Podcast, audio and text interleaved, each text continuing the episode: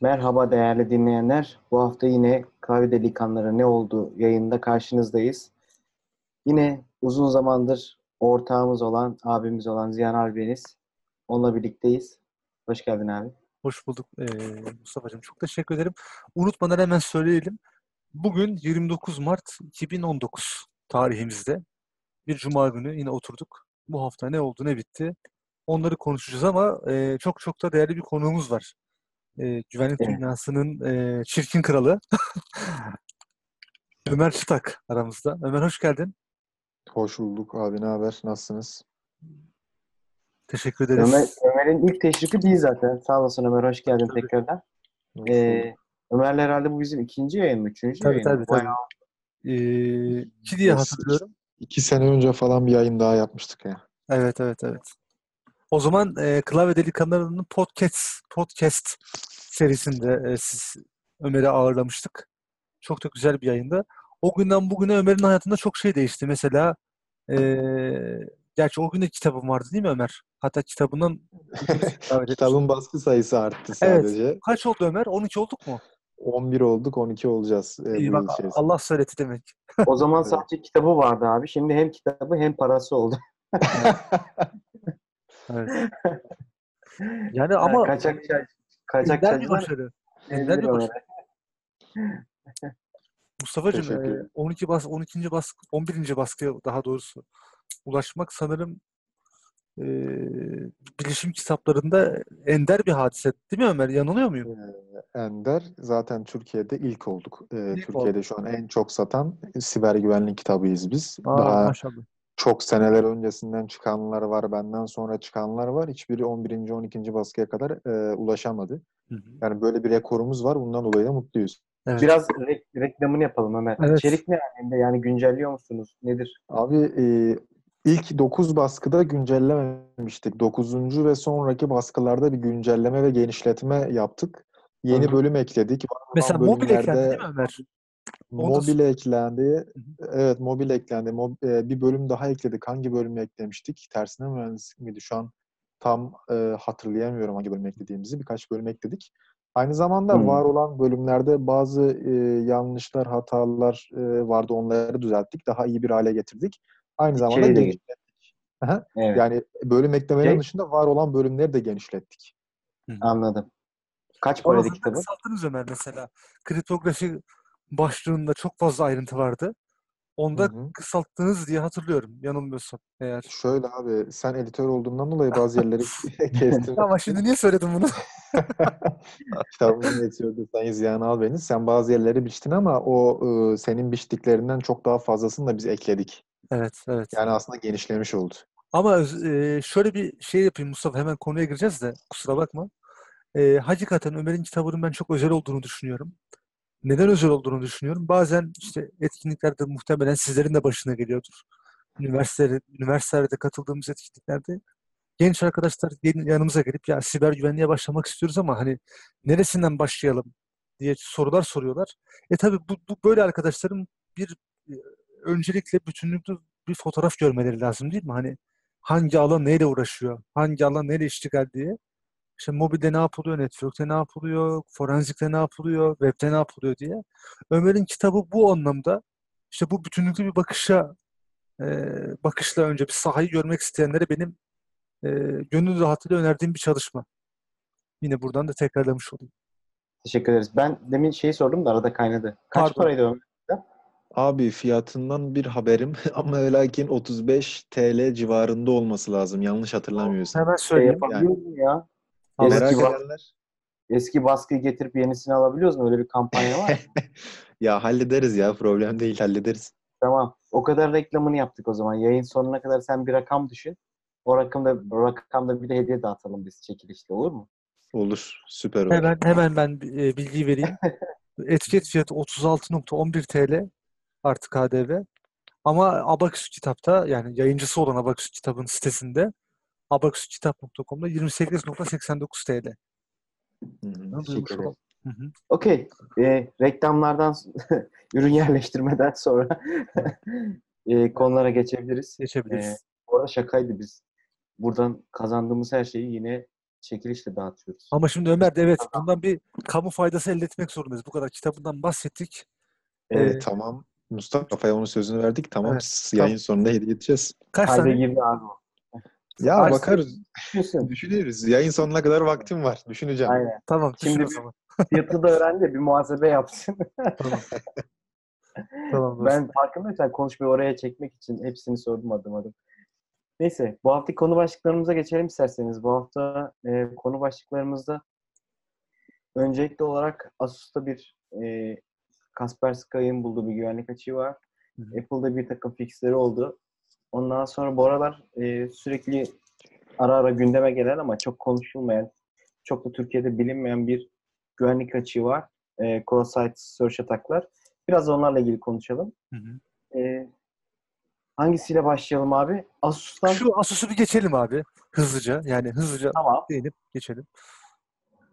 E, Ömer Buyur. sen mi anlatmak istersin? Ben Asus'taki zafiyetten bir haberim. En son Twitter'da gördüm. Galiba Şey, e, Sen biliyorsundur dedim. Asus kullanıyorum da Asus'un yazılımlarını kullanmıyorum. E, bilgisayarımda hiç Asus'un default gelen yazılımları kurulu değil. Hepsini kaldırmış vaziyetteyim. Aa, süper. Oradaki o zaman olayı ben şöyle özetleyeyim size Hı hı. isterseniz. Ee, Asus'un hali hazırda bildiğiniz üzere şey normalde default makineyi kur- şey aldığınızda ilk kurulumu yaptığınızda yüklü gelen bazı uygulamalar var varsayım olarak yüklü gelen. İşte bunlar neler? Asus Live gibi uygulamalar veya işte bir takım management uy- uygulamaları. Bu Asus Live zaten bu update işlemler için hem driverlar olsun hem işte Asus kendi kullandığı bu yazılımların update'leri olsun. Bunlarla alakalı yazılım e, güvenlik güncelleştirmeleri düzenli olarak yapabiliyor. Siz kendiniz ekstradan da sitesinden indirip kurabiliyorsunuz. Buradaki olay da şu. Asus'un bu live e, application'ın uygulamasının bağlı olduğu e, serverlar 2018 Optimize yılında. olmuş. Aynen. 2018 yılında. Yanlış hatırlamıyorsam neydi tarihler? Ee, bakıyorum. Temmuz, November, Kasım.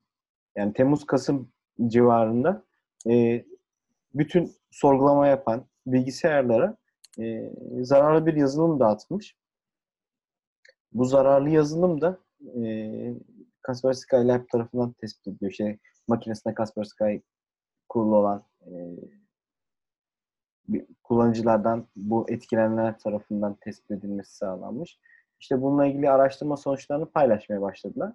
Ee, inceleme sonucunda bu Ruslar bu operasyonun adına şey vermişler. Operasyon Shadow Hammer diye. Hammer çekişti değil mi? Hı hı. Shadow Hammer diye bir isim vermişler. Burada benim dikkatimi çeken şey oldu abi. Büyük ihtimal siz de aynısını fark etmişsinizdir. Ee, bu süreçte analiz amaçlı 200'den fazla zararlı yazılım toplamışlar bu güncellemelerle dağıtılan. Ama bu zararlı yazılım herkese hedef almıyor. Yani senin makine kurulmuş olabilir. Ama senin makinene doğrudan bir etkisi yok. Nasıl? İçerisinde bazı hard code şeyler tanımlanmış. MAC adresleri. Yani belli bir spesifik liste var.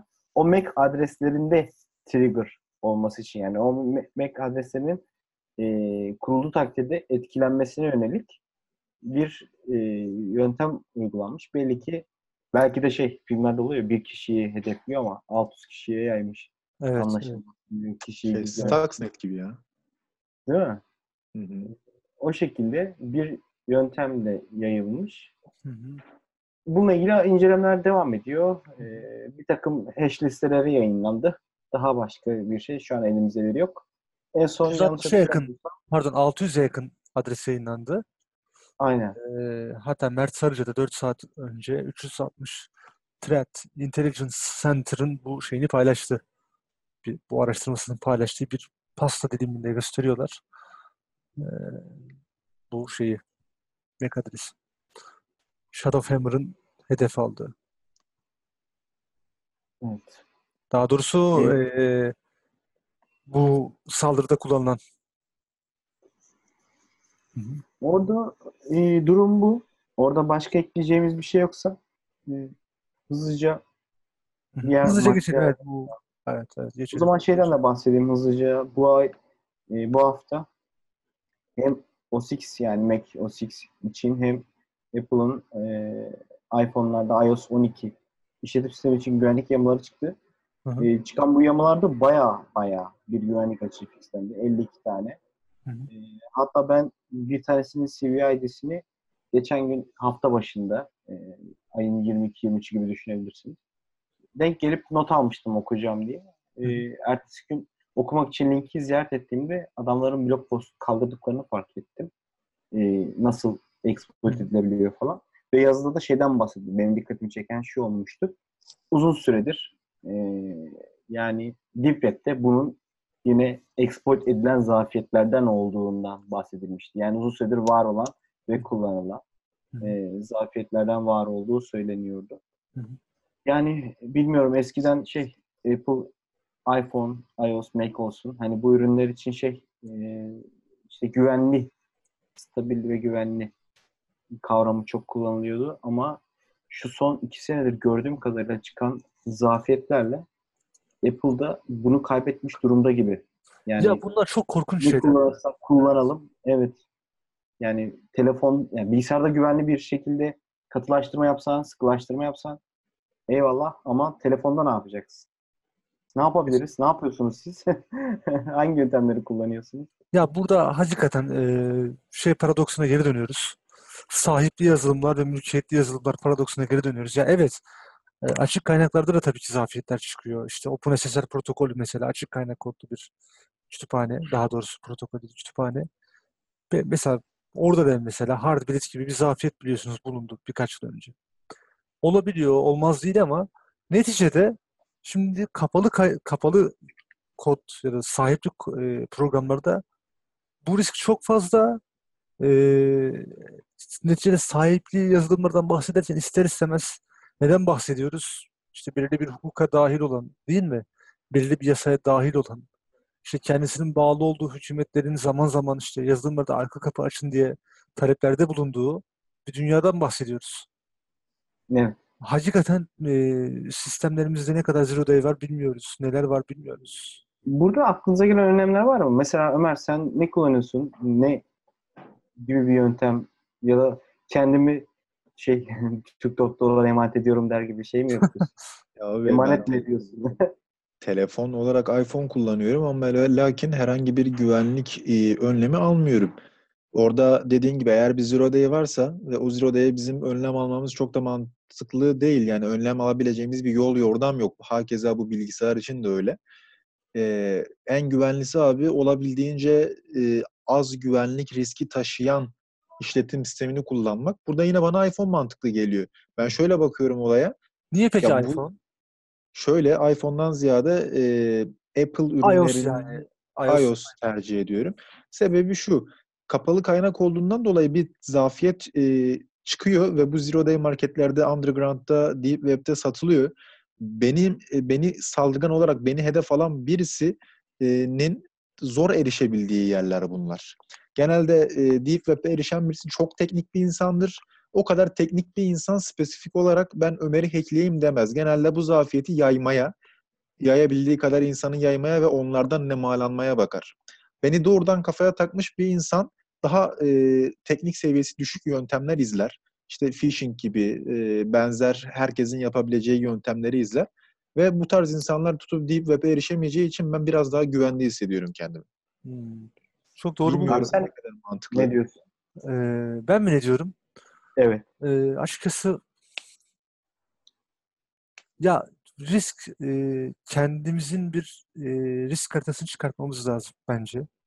E, neleri güvenli kılmak zorundayız? Neleri feda edebiliriz? Bunları bunları bilmemiz lazım öncelikle. E tabii ki ben hiçbir ürüne, e, hiçbir sisteme defakto olarak güvenmiyorum. E, ama bana açık kaynak kod yazılımlar e, daha güvenli geliyor. Neden? Çünkü bağımsız değerlendirmelere tabi tutulabiliyor bu yazılımlar. Mesela Signal'e örnek verelim. Geçenlerde gazetedeki köşemde de yazdım. Biliyorsunuz.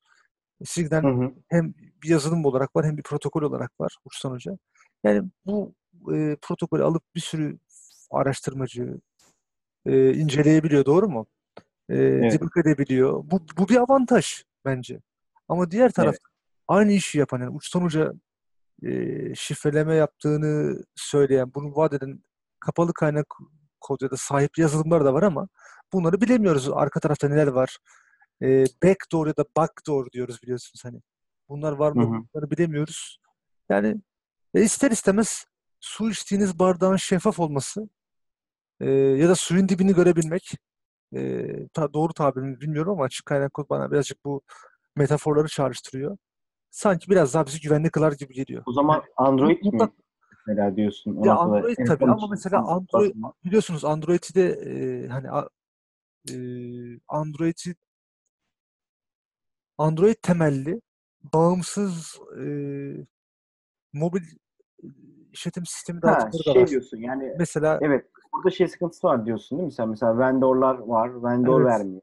evet, evet, Desteği kesiyor. Örnek veriyorum. Aynen X, öyle. Y şirketi Hı hı. desteği kesiyor artık telefona. Onun yerine e, komüniteler tarafından geliştirilen Hı hı. popüler işletim sistemleri daha mantıklı diyorsun değil mi? Ya bana öyle geliyor. Ya bir de mesela Android kullanacak olsam ben e, maalesef ben de e, bir süre önce bıraktım kullanmayı. Android kullanırız düşünelim. Sadece Android kullanmak da sizi burada güvenli yap kılmayacak tabii. Nedir? Hı hı. Mesela uygulama marketi olarak hangisini kullanacaksınız? İşte Değil mi? Orada da o kurduğunuz- şey. Evet. kur- kurduğunuz uygulamalara hangi yetkileri verdiniz ya da vereceksiniz? E, bu tarz şeyler de ister istemez hani bu şeyin bu denklemin bir parçası ha- haline geliyor.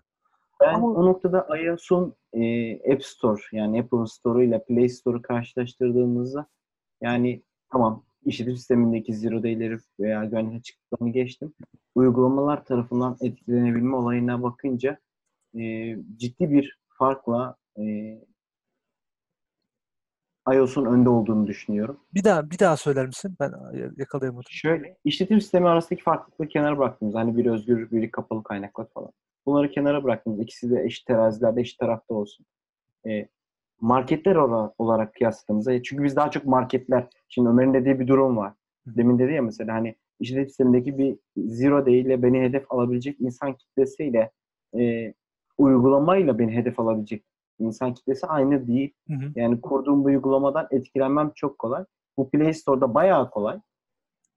E, Apple'da biraz daha Apple'da biraz daha zor. Onların e, o noktada uygulamaları güvenlik testleri uzun sürüyor diye biliyorum. Değişmediyse. Mesela e, uygulama geliştiren bir tanıdığım vardı o noktada.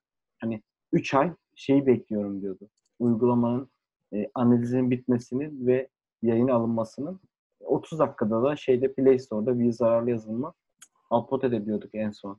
Hı hı. Öyle bir rakam farkı vardı. burada bir şey eklemek istiyorum. Mustafa haklı hatta benim söylediklerime biraz da tercüman oldu.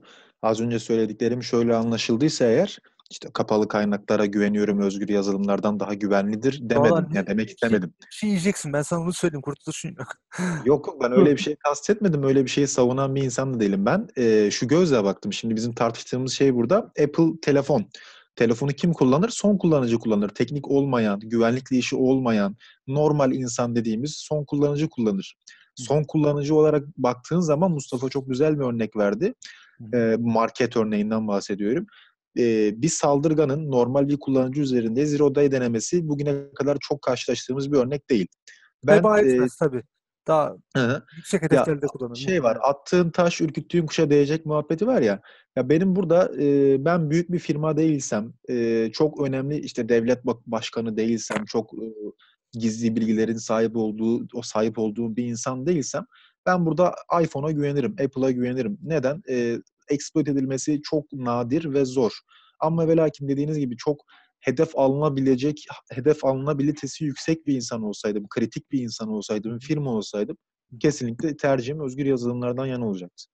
Ama mesela geçenlerde FaceTime'da mı çıkmıştı bir zafiyet? Ortam dinlemesi yapılabiliyordu mesela biliyorsun. Hı hı. İşte cevap vermediğin durumda bile grup aramalarında ortam dinlemesi yani senin sesinin e, karşı tarafa iletilmesi mümkün olabiliyordu. Mesela bu bu zafiyet geç keşfedildi biliyorsun. Ya da mesela e, Evet. iCloud'da bir, bir dizi zafiyet son zamanlarda bulundu.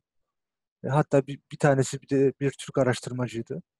E, bunlar mesela eğer bu sistemler açık kaynak kod olsalardı, open source olsalardı daha rahat bulunmaz mıydı mesela? Tabii ki, tabii ki ya bu tarz Bunu istisnalar tabii ki Yani var. mesela FaceTime'daki bu zafiyet e, biz bunu duyana kadar belki de e, defaatle kullanıldı.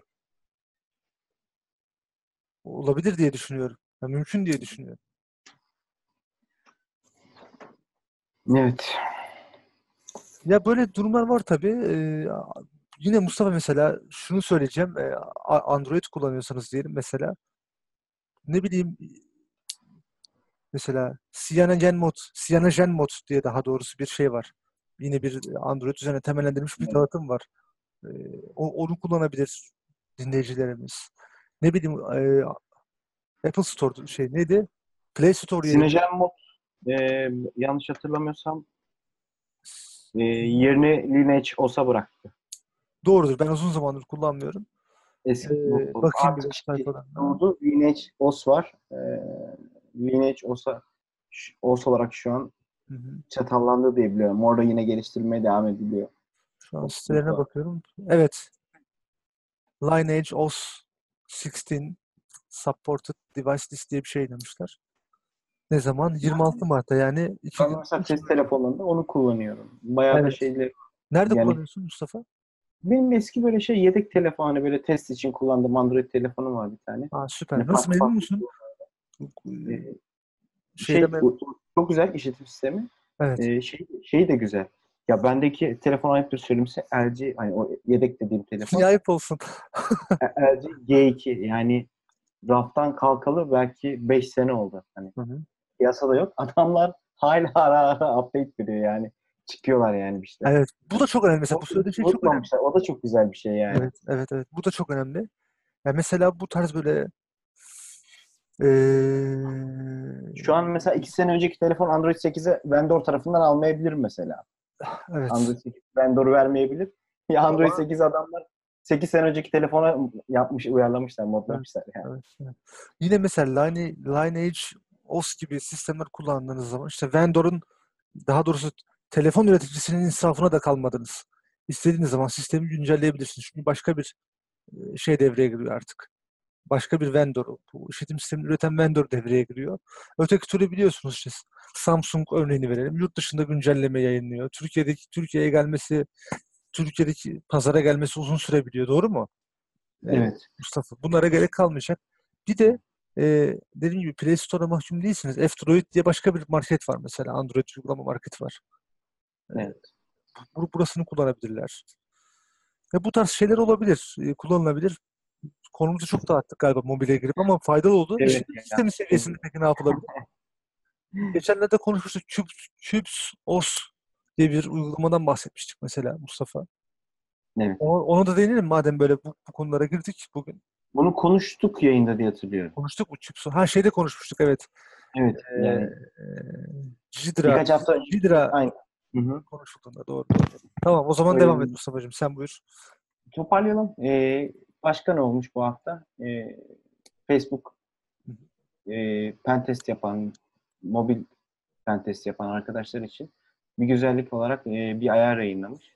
Hı hı. Nedir bu ayar? Eğer aktif olarak pentest yapıyorsanız halihazırda birisiniz. Mesela Facebook, Instagram gibi Facebook'a ait mobil uygulamalar veya başka mobil uygulamalarda SSL pinleme, SSL pinlenmiş SSL'i kirletme ile alakalı bazı sorunlar yaşanıyor. Hele de eğer test telefonunuz Android 4, 5, 6 değil de işte 7, 8, 9 gibi versiyonlar kullanıyorsanız e, o işletim sistemlerinde iyice zorlaşmış durumda. E, Facebook bununla alakalı bir ayar yayınlamış. İşte ben hacker'ım, ben white hat hacker'ım. E, ben de ben bu ayarları kapatmak istiyorum diyorsun. Profilinden kapatıyorsun. Oturumu orada açınca mesela o uygulamada artık e, TLS 1.3 kullanmıyor. Hani 1.2 ile rahat sinif edebildiği. E, işte SSL sertifikası olarak kullanıcının tanımladığı varsa işte gömülü yüksek seviyeli bir SSL sertifikası self-signed olan e, onu kullanabiliyor gibi özellikler eklemiş. Buradan da pentest yapan arkadaşlara duyuralım. Ee, onun dışında şeyden bahsedelim. Demin e, giriş yaparken abi konuşmuştuk ya. Hı hı.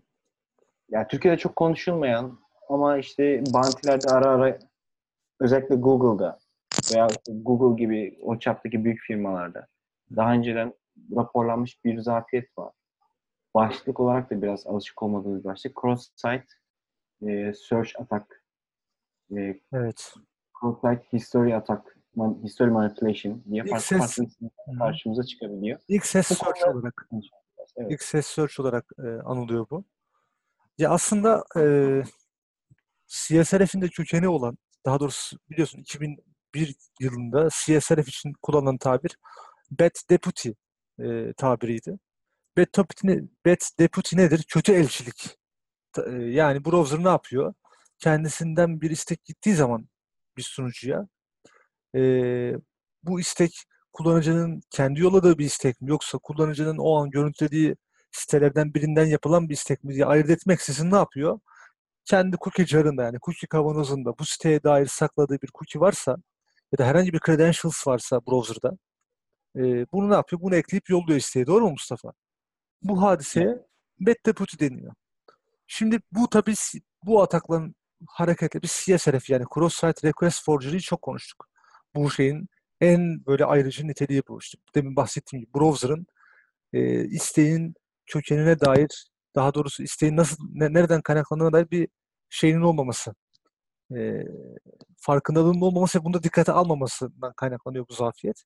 Şimdi bu zamanla evrildi. CSRF'i çok konuştuk. Hatta bir, bir dönem OWASP'ın dokümanlarında dahi Sleeping Giant yani uyuyan dev yakıştırması yapıldı CSRF'e. Fakat gerileye gerileye CSRF işte 5'teydi sanırım OWASP'ta 2010'lu yıllarda. Sonra 7'ye geriledi. Bugün OWASP Top 10 listesinde yok bile CSRF. E, 2017'ye bakarsanız görürsünüz. Fakat bu sefer geldiğimiz noktada e, başka başka bir dizi şey konuşuluyor. İşte bu da XS Search Mustafa'nın dediği gibi. Burada CSRF ile beraber bir şey daha devreye giriyor Mustafa. Normalde CSRF atağı için biz ne deriz abi? Blinder deriz değil mi? Yani e, CSRF atağında maksat nedir? Hedef sunucuda bir state değişikliğine yol açmak. Doğru mu? Parolasını değiştirmek, kullanıcı adına bir blog post yayınlamak, bir varsa bir blog postu silmek. WordPress'te olduğu gibi son çıkan XSS'in bir ayağı da CSRF'ti biliyorsun. Yani onun e, o RCE'ye imkan veren XSS'in exploit'inin de mutlaka CSRF'le kombine edilmesi gerekiyordu. E, burada te, buradaki umursadığımız şey ne? E, arka tarafta bir state değişikliği yapabilmek. Bu kadar. Gelen yanıt umur, umurunda bile olmuyor normal bir CSRF saldırısında. Ama son zamanlarda konuşulan Mustafa'nın anons ettiği ilk ses search ataklarında bir şey çok önemli. E, timing çok önemli. Burada bir e, site channel olarak e, timing'i kullanıp e, sadece state değişikliği yapılmıyor. Da, daha doğrusu hedeflenen state değişikliği olmuyor. Dönen yanıtın kendisi oluyor. İlk ses search kelimesi nereden geldi? E, Google'ın kullandığı tarihini hatırlayamıyorum ama e, 2018 Nedir abi? yılına doğruydu galiba. Neyden bahsediyorsun? İlk ses search bu Google'ın e, backtracking 2016'da Black Hat'te sunulmuştu evet. Ama sonra Evet. bir tane e, yakın zamanlarda belki bir yıl ya da bir buçuk yıl oluyor en fazla. Google'ın e, backtracking sisteminde bir tane e, böyle bir zafiyet bulunmuştu. Bu zafiyet ne yapıyordu? İşte Google'ın backtracking sisteminin içi açık kaynak kodlu bir sistemde o da. E, bir arama fonksiyonu var. Aramayı yaparken diyorsunuz ki mesela şu dosyanın şu satırındaki e, şu satırında raporlanan backtracking bak raporları gelsin diyorsunuz. E tabi bu istek işlenirken bir, bir zaman alıyor değil mi Mustafa? Yani sonuç dönmeyecekse hemen neticeleniyor ama arka tarafta bu soruya karşılık gelen bazı kayıtlar varsa istek e, belki işte birkaç birkaç yüz milisaniye fark yaratıp geri dönüyor. Hani bizim çıplak gözle göremeyeceğimiz ama yazdığımız birkaç satır kodla rahatlıkla bunu ayırabileceğimiz bir fark yaratıyor. Şimdi adamlar bunu kullanarak mesela Google Backtracking sisteminde e, ki Chromium kullanıyordu bunu. E, Chromium browser için kullanıyorlardı. Chromium'un hangi dosyasında e, bug raporlanmış görebiliyorlardı. Henüz public olmamış olsa bile. Ne yapıyor? İşte Google'ın e, Chromium'un daha doğrusu bir dosyası var diyelim. E, utility nokta işte örnek veriyorum C diye bir dosyası var diyelim burada. Bu backtracking sistemine bir search yapıyor saldırgan ya da e, saldırgan diyelim şimdilik. Diyor ki işte şu projede şu dosyanın şu dosyada zafiyet var mı? İşte atıyorum open olan yani henüz kapatılmamış. Backtracking ticket açılmış ama kapatılmamış. İşte flag'i de open olan bir e, olan ticketlar var mı diye arama yapıyor. Sonuç geliyor ya da gelmiyor. Önce abuk sabuk bir sorgu yapıp, daha doğrusu hiç olmayacağını bildikleri bir sorgu yapıp e, neye karar veriyorlar? Buna baseline deniyor. ze- Zemine karar vermek. Yani normalde e, olmayan bir sorguya kaç, kaç saniyede yanıt dönüyor bunu anlıyor. Daha sonra diğer sorguları yapıp o aradaki farkı hesaplıyor. Bakıyor diyor ki ya sorguyu yaptıktan sonra ha evet diyor bu benim baseline'ımdan farklı bir sonuç döndürdü. Normalde ben e, örnek veriyorum Google'ın bu bug tracking sistemini Ziyahan diye arattırdığımda pat diye yanıt geldi. Örnek veriyorum 0.003 milisaniye sürdü yanıtın gelmesi ama işte utilize.c dosyasında bir open e, flag'inde yani açık olan bir bug var mı diye sorgu yaptığımda da atıyorum bunu iki katı sürede döndü. Buradan hareket ediyor ki ya demek ki burada open olan bir şey var. E, zafiyet e, Chromium'da raporlanmış diye böyle bir dizi şey çıkartabiliyordu adam. Buna XS Search adını vermiştir. Bayağı da popüler oldu bu. Geçtiğimiz günlerde Imperva'da bir şey yayınladı Mustafa bu konuda. Bu arada orada mısınız? Ben konuşuyorum böyle ama. Buradayız abi buradayız dinliyoruz. Verdiniz Ömer? bana mikrofonu verdiniz gene ben gidiyorum. Ee, geçtiğimiz günlerde de 20 Mart mıydı Mustafa? Kaç Mart'tı Imperva'nın raporladığı şey? Intervan'ınkinin tarihini hatırlamıyorum. Hemen bakalım. Ya 20, 20 Mart. Mart, aynen. 20 Mart evet. Doğru doğru. Ha, ben, ben de şu an açık değil. Bir yeri yanlış söylersem düzelt. Zaten linkleri, linkleri de paylaşacağız en Evet, evet. arkadaşlar. Orada da mesela orada da şöyle bir şey mesela e, bulunmuştu. Şimdi biz Google e, Google Drive'a bir sürü resim yüklüyoruz değil mi? Telefonda mesela demin de dedi- dediğimiz gibi Android işletim sistemi kullanıyorsak mesela çektiğimiz bütün fotoğraflar yedekleniyor Google Drive'a değil mi? Oraya atılıyor. Fakat Evet. bu fotoğraflar atılırken Google Drive bunları e, şey yaparken e, işliyor, parz ediyor. Neyi parz ediyor? Bir kere bu fotoğraflardaki metadatayı parz ediyor. Metadata dediğimiz dediğimiz şey ne? Veriyi tanımlayan veri aslında metadatanın sözlük anlamı. Yani bu fotoğraf nerede çekildi? Hangi tarihte çekildi? Hangi tip fotoğraf makinesiyle çekildi gibi bilgiler, üst bilgiler metadata olarak adlandırılıyor. Bu fotoğraflar yüklenirken bir kere Google bunları parz ediyor. Bu bilgileri parz ediyor ve fotoğrafa tag olarak ekliyor bu bilgileri. Aynı zamanda bir şey daha yapıyor. Yüz tanıma teknolojisi sayesinde fotoğrafta kimler var? İşte Mustafa Yalçın var, Ziya Hanalbeniz var, Ömer Çıtak var diye bunları şey yapıyor. Ee, taglıyor. Yine aynı şekilde bu metadata bilgilerinden bir tanesi de tabii telefonunuz eğer bu da, metadatayı ekliyorsa çektiği fotoğrafa coğrafi lokasyon bilgisi. Yani bu fotoğraf nerede çekildi? İstanbul, Ankara, belki semt bilgisine kadar e, semt, mahalle gibi çok no- noktasal bilgiye kadar saklayabiliyor. Bütün bunları tag olarak fotoğrafa ekliyor. Imperva'daki araştırmacı arkadaşın ismini söyler misin Mustafa? Bakıyorum Bu hemen. arkadaş- Hı hı. Ron Massas. Evet. Massas. Bu arkadaş şunu Doğrudur. fark ediyor. Diyor ki Google'a diyor e, Google'ın bu e, imaj e, uygulamasında arama fonksiyonelitesinde e, bir token yok. Yani farklı sitelerden de kendisine gelecek istekleri rahatlıkla işleyebilir ve sonuç döndürebiliyor abi. İşte tam da bahsettiğimiz CSRF aslında bu. Çünkü bir token'la korumuyorlar isteği. Evet. Ne yapıyor? Çeşitli aramalar yapıyor. Mesela sen diyelim ki Mustafa Yalçın Google'da oturum açtın abi. Senin browser'ın artık Google'a ait bir oturuma sahip. ziyahanalbeniz.com'a giriyorsun. Yani saldırganın e, hazırladığı ve seni girmeye ikna ettiği siteyi ziyaret ediyorsun. Artık ne oluyor? Bu siteden de senin browser'ın dolayısıyla yapılan istekler ne oluyor? Bir saniye.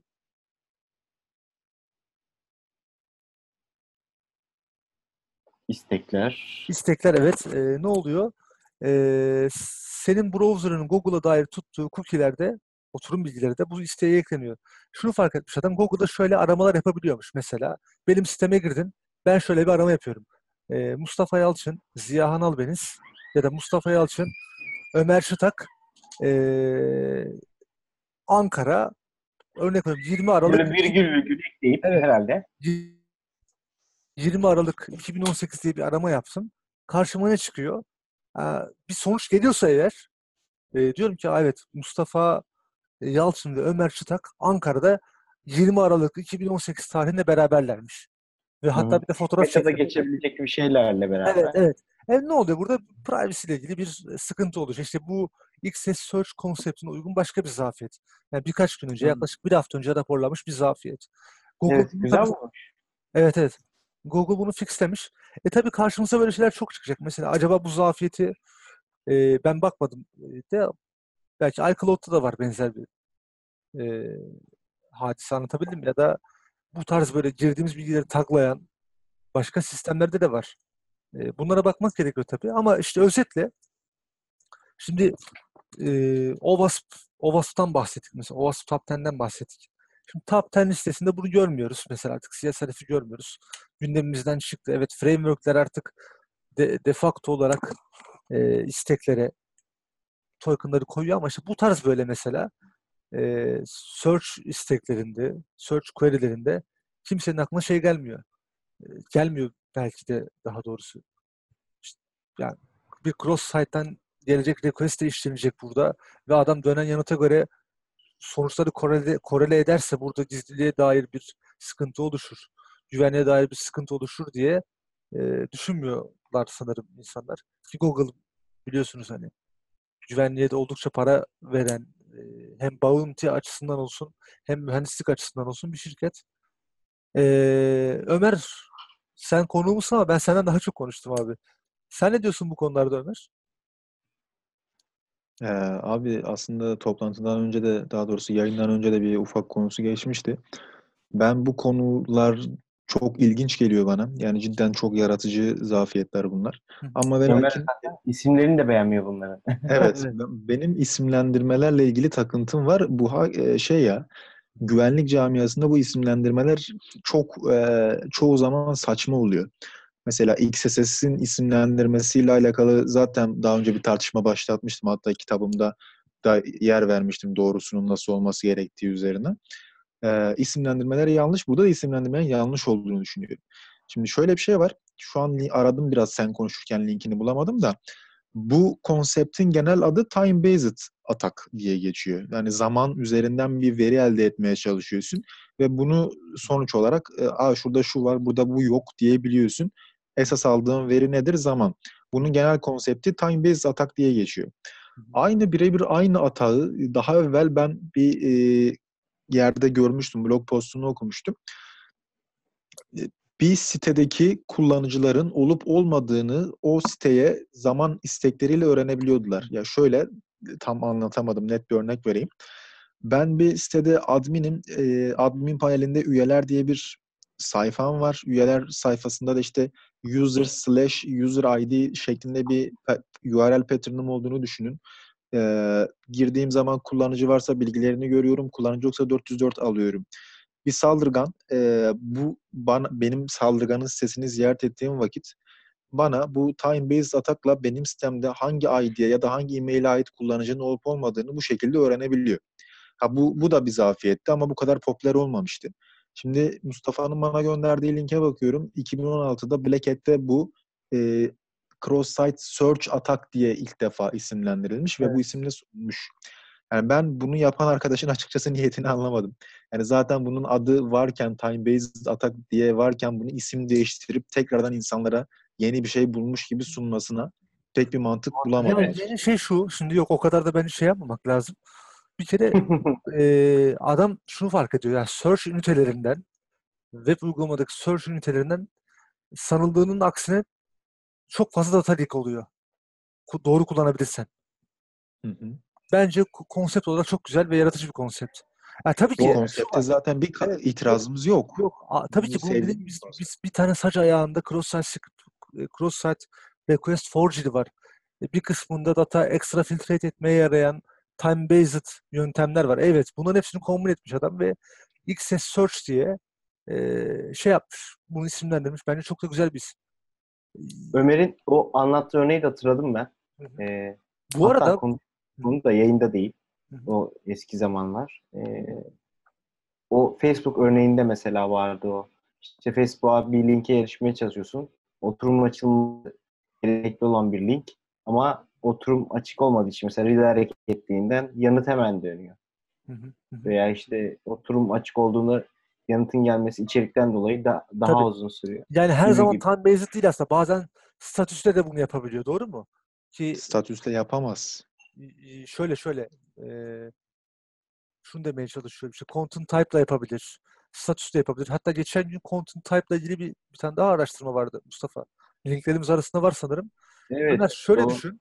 Şöyle düşün abi. e, bir siteye istek yaptığında abi oturumun varsa bir JavaScript dosyasına istek yapıyorsun abi. E, biraz zorlama bir örnek. JavaScript dosyası demeyeyim de mesela imaj dosyası diyeyim. E, istek yapıyorsun. Oturumun varsa imaj dosyası dönüyor sana abi. Hı hı. Ama oturumun yoksa mesela ne yapıyor? İşte belki oturumun olmadan dair bir uyarı sayfası çıkıyor karşına ve onun da content type'ı imaj dilde mesela text HTML dostum. Anladım. Ha, Şimdi bunun real örneği ver. Var. ben real örneğini var. Hemen bir örnek vereceğim sana. Ee, tabii şu an sadece Firefox'a destekleniyor sanırım. Ee, neydi o Evet, adı? sadece Firefox. Type must match. Type must match diye bir attribute var Aynen. dostum. Evet. Bu ne demek biliyor musun e, Ömer'cim? Ee, şimdi bir script tag'ı düşün abi. Tanım, tanımlıyorsun ya script tag'ı. Script tag'ına bir, bir e, script tag'ında e, bir type attribute'u var. Diyorsun ki mesela text JavaScript diyorsun değil mi dostum? Evet. Ee, bir de mesela bu script tag'ına type e, neydi Mustafa? Type must match. Ki bu da Aynen. boolean, boolean attribute demek bu. Tıpkı şey gibi hani option'larda checked oluyor ya. Bu boolean attribute'leri de varsa enforce ediyor yoksa da false olarak değerlendiriyor.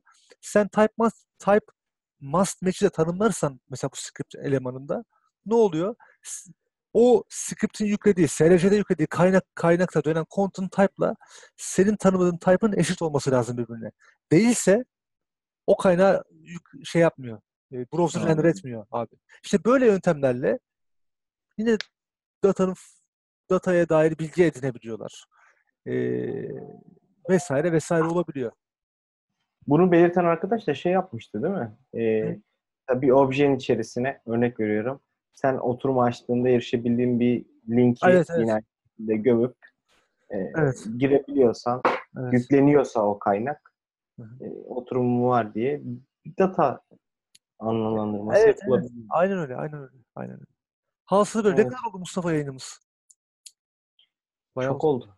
40 dakika oldu gene. 40 dakika oldu? O zaman yavaş yavaş kapatmak lazım. Ya özetle XS Search atakları, hani XS Search olarak değerlendirilen atakların çalışma prensibi böyle ki e, Burp, Burp'taki arkadaş James Kettle'ın bir şeyi vardı biliyorsun. E, son dönemde yayınlanan zafiyetlere dair bir e, oylama yapıyordu. Bu XS Search atakları orada bayağı bir şeydi. E, bayağı puan almıştı abi. Şimdi bakıyorum nerede o? James Kettle'ın o araç anketi. Ne demiş arkadaş? Ya bu şeyi çok beğenmişlerdi. Orada da bayağı puan alıyordu. Bu XS Search zafiyetleri abi. Hmm. Çok yaratıcı bir atak olarak hatta bir sürü insan şey yaptı. Ömer de zaten bu, bu teslim etti gerçi de. Bu şekilde özetle. Bu- Teşekkür bu- ederiz. Bunlar dikkat etmek lazım. Peki ama son olarak şunu da söyleyelim. Mesela bu- ne yapmaları lazım developerların abi? Mesela search ünitelerinde bu tarz şeyler çıksın istemiyorlarsa ya da web sayfalarının herhangi bir yerinde ne ne site değişikliği olsun ne de kullanıcılarına dair bu tarz hataların sızmasını istemiyorlarsa ne yapmaları lazım? Ömer buyur. Güvenlikçi olarak sen mikrofonu Abi al. bu çok ütopik değil mi sence ya? Developerlar e, daha XSS'te bile XSS konusunda bile çok bilgi sahibi değiller. Yani daha orada takılmışlarken Abi biz işte ne onlara gelip yapmaları lazım? time-based Olsun. Ne yapmaları lazım? Ya bu en basitinden konuştuğumuz bu cross-site search atağı önlem olarak e, çok basit abi CSRF temelinden temeline dayandığı için bir CSRF token koyarlarsa Süper. çok basit bir şekilde bunun önüne geçebilmiş olacaklar. Yani şöyle çalışmış olacak mekanizma. E, ben saldırganım. Kendi web siteme bu atağı yapacak JavaScript kodunu yerleştirdim ve sen gelip benim ziyaret sitemi ziyaret ettin. Benim sitemden sana dönen JavaScript kodu senin browser'ından hedef siteye isteği yapacak. Ama token olmadığından dolayı istek boşa düşmüş olacak. Evet. Dolayısıyla ben e, her türlü her zaman aynı response time'ını almış olacağım. Dolayısıyla herhangi bir veri elde edememiş olacağım. Ya da token bunlardan bir tanesi ya da mesela e, cookie'lerin same site attribute'ü değil mi? Bu konuda kullanılabilir. Ee, O hangi bütün tarayıcılarda destekleniyor muydu şu an Samsung? hemen bakalım Kenan Yüz'den. Hayır. Hani Sanırım onu ara ara söylüyoruz ama. Yok sanırım şu an hepsi destekliyor abi. Ee, same site same site cookie attribute şu an e, Edge'de destekleniyor 18'de. Hatta 16-17'den itibaren destekleniyor. Internet Explorer bile destekliyor yani 11'den itibaren. Dostum Hmm. o, o kadar yani. Ee, Chrome Orada şey önemli. 51'den Mobiller. Mobiller genelde çok geriden geliyor. Evet. Mobil Orada da şöyle abi hemen hemen söyleyeyim sana. Mesela Opera Mobile 46 sürümden itibaren destekliyor. Android browser'lar 67'den itibaren destekliyor. Ee, Chrome ve Firefox'un Android versiyonları yine destekliyor. O zaman olmuş bu Evet, feature. evet yani kullanabilir, kullanılabilir evet. Kullanılabilir. NetSparker Türkiye bloğunda ve hatta global bloğumuzda bununla ilgili yazımız var. Arzu eden bakabilir. Yine kaynaklar arasında paylaşırız bunu da Mustafa. Hı hı. Cross-site ile ilgili de vardı. Yanlış hatırlamıyorsam. Onunla ilgili de var. Evet. Evet, bu Var mı şekilde. başka eklemek istediğiniz?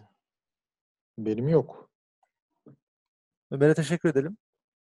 Ben de Bize size teşekkür ederim. Bi- Bizi bilgilendirdi sağ olsun. Pek bir Kapanışı faydamız dokunmadı. Sen daha çok bilgilendirdin ama. Ömer'cim varlığınız bir nimettir bizim için. Teşekkürler. o sizin ne derler? Cümleyi kuramadım ama. O sizin nimetliğiniz. Evet nimetleriniz. yok böyle bir şey yok ya. Böyle bir kalıp yok. Ee, teşekkür ederiz. Ee, Mustafa buyur sen kapanış yap dostum. Bizi dinlediğiniz için çok teşekkür ederiz. Bugün aynı zamanda hem yazar, hem developer, hem güvenlikçi. Ee, aynı zamanda takım arkadaşımız olan katıldığı için Ömer'e çok teşekkür ederiz. Ömer, Ben teşekkür kitap ederim. sayısına karar verdin mi? Ha o mesele vardı değil mi? Ya geleneği bozmayalım. Ne zaman bir çekiliş yapacak olsak 3 tane veriyoruz. Yine 3 tane verelim. Evet. Evet. Ben de buradan Recep'e sesleniyorum. Ee, Recep bak sevgili dostum. Bu yayını e, paylaşacağız ya Twitter'da.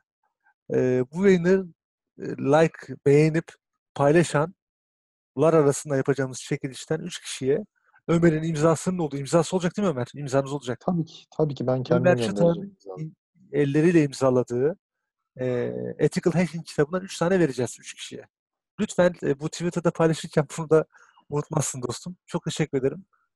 E, ben de teşekkür ediyorum. Bir dahaki hafta yine Klavye Delikanlıları Ne Oldu programında görüşmek üzere. Hoşçakalın, esen kalın diyorum.